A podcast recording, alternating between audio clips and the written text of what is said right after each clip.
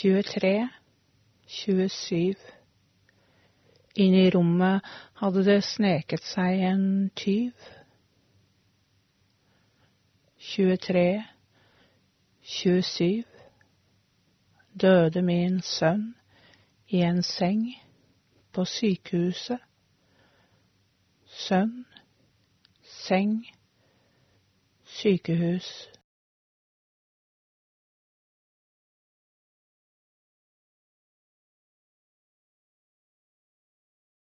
Dette er episode ni i serien beregnet på studenter i muntlig fortellerkunst. Jeg står på kontoret og gjør et opptak. Nå skal studentene arbeide med personlige fortellinger, dvs. Si fortellinger hvor de selv er hovedperson, og som bygger på egne erfaringer og minner. Du forteller om deg selv hver dag. Hva har du for eksempel fortalt i dag?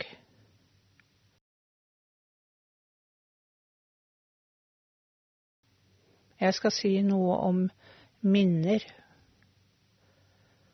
Å huske er noe som er dypt i oss. Vi bruker det hele tiden, gjerne ubevisst og uten å stille spørsmål ved det. Det er en så smidig del av vårt liv at vi legger ikke merke til det, selv om vi ikke daglig tenker på bestemte hendelser i vårt liv, kan vi likevel huske noe som har skjedd for lenge siden, for det handler om at vi husker at vi husker.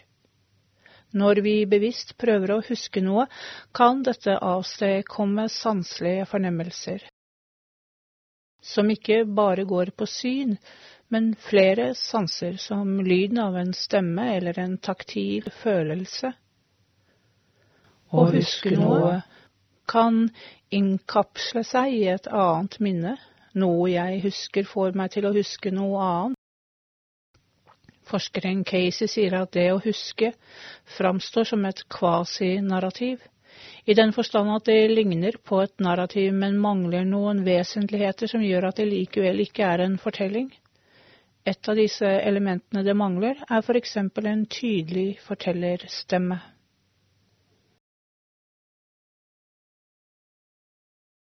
Elleve femtitre. Jeg hadde sittet ved hans side siden 11.53. På høyre side var det et vindu. Jeg kikket ut av vinduet hadde jeg hatt Odins øye, ja, da kunne jeg sett langt da. Da kunne jeg sett over hele Åsgard.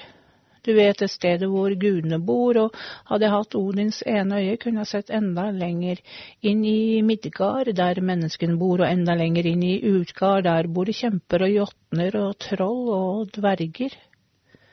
Hadde jeg hatt Odins ene øye, så kunne jeg faktisk sett helt inn i framtiden.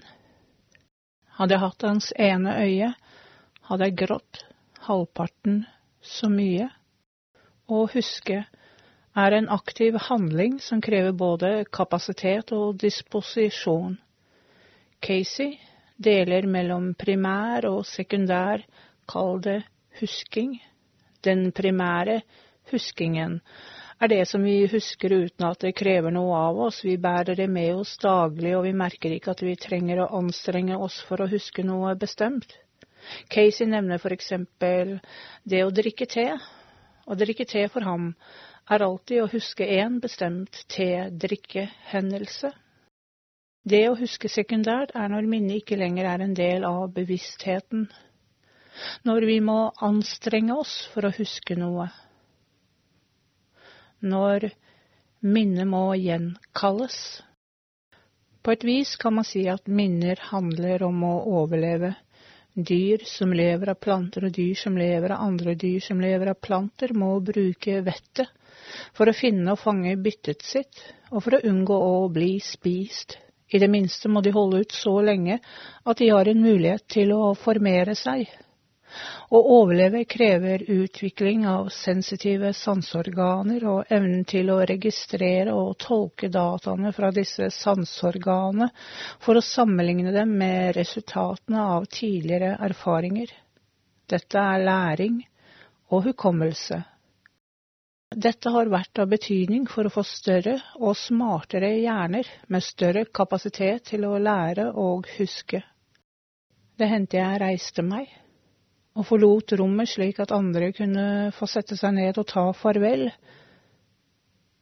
Så satte jeg meg ned igjen, strøk han over panna, og der, bakenfor der, der det en gang hersket minner og fantasi, nå var det noe annet som hadde overtatt. Ja, det var som utgard, vet du, som jotner og troll, som slo seg framover og slo av den ene funksjonen etter den andre. Syn, hørsel, sult, tørst. Er du tørst? For eh, nevrologen Stephen P.R. Rose er minnet noe som definerer hver enkelt av oss som et individ. I alderdommen kan vi beholde minner fra vår egen barndom fra 80 eller 90 år tidligere å miste et bein eller en sans, eller til og med foreta en hjerte- eller nyretransplantasjon, vil ikke føre til store endringer av vår personlighet. Det vil modifisere oss, men vi vil være mer eller mindre gjenkjennbare som den personen vi er. Men å miste minnet vil føre til en øyeblikkelig og tydelig personlighetsendring. Vi er minnene våre mennesker bearbeider ikke informasjon som data, men det som gir mening. Å glemme er en viktig funksjon. Å huske alle dataene som går gjennom sansene hver dag, ville være en umulighet for oss. Er du tørst? Han åpnet øynene så vidt og prøvde å smile. Og dette var jo håp.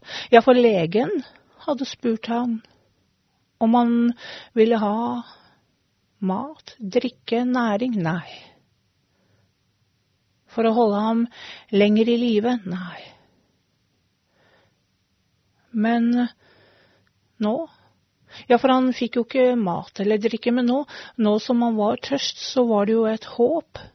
Jeg lente meg fram, tok glasset, tok sugerør, satte sugerøret i glasset, holdt sugerøret opp mot hans munn, og han Det rant ut igjen. Hans hud ble grå. Hans lepper ble blå. Jeg smurte hans lepper med salve, han smattet som et dyr, han var ikke lenger den jeg husket han var. Snart var han bare et minne. Ja, hver morgen har jeg den vanen, kanskje du også, å kikke gjennom sosiale medier, men kun da for det blir fort en mani å følge med på alt som skjer med nære og mer perifere bekjentskaper, og det oppleves også som en overbelastning av informasjon. For hver minste detalj i andres liv er egentlig ikke noe som skal angå meg. Vi har gjennom sosiale medier anledning til å omgjøre alt rundt oss om til Kairos øyeblikk, øyeblikk som er verdt å huske. Det blir for mye å huske på, det blir for mye å huske på, det blir for mye å huske på. Ønsket om å huske alt, og behovet for å dele hver minste, eneste detalj i ens liv, har et navn.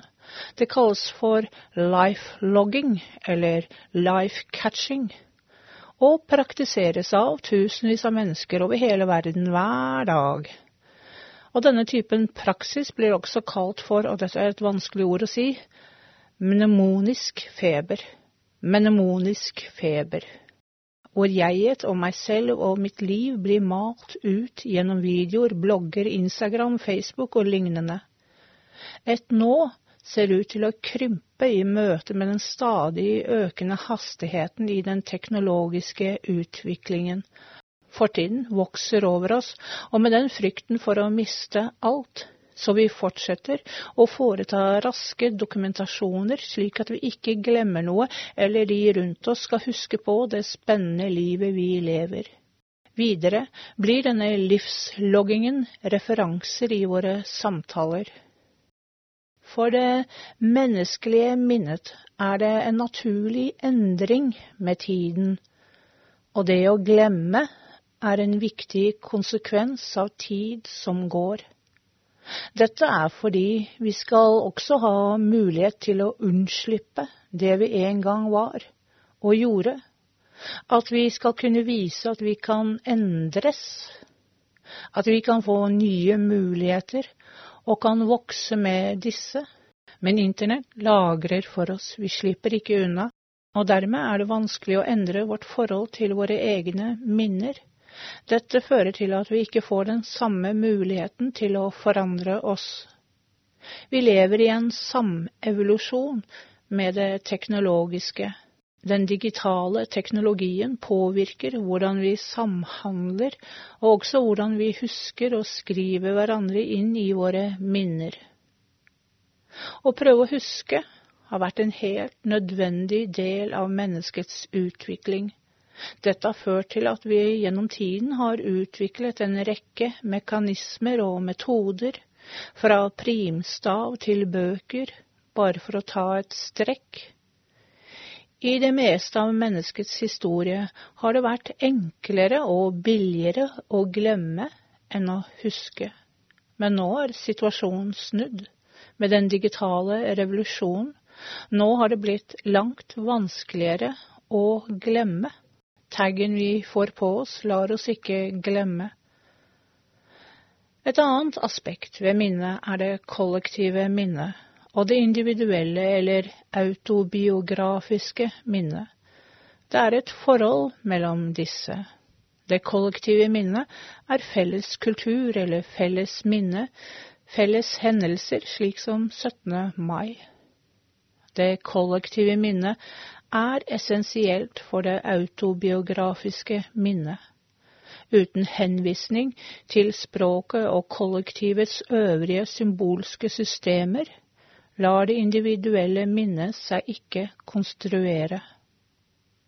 En traumatisk hendelse kan svekke et kollektiv, for et traume er en kryptering av minnet, fordi det verken kan glemmes eller erindres. Et traume er uten språk, og det er vanskelig å språkliggjøre et traume. Men over til noe annet. I klassisk retorikk er minnet både kunst og teknikk.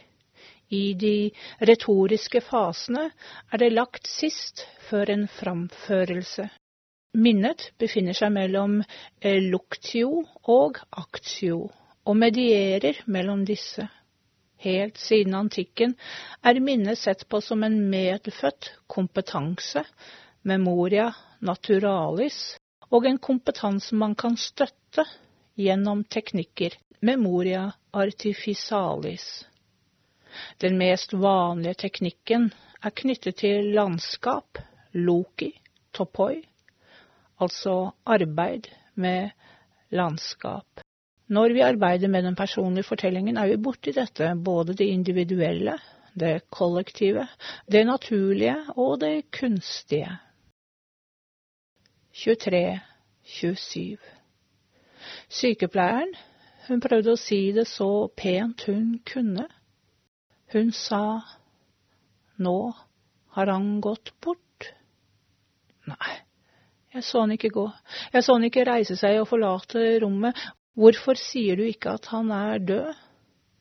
Han er død, men jeg glemmer han aldri.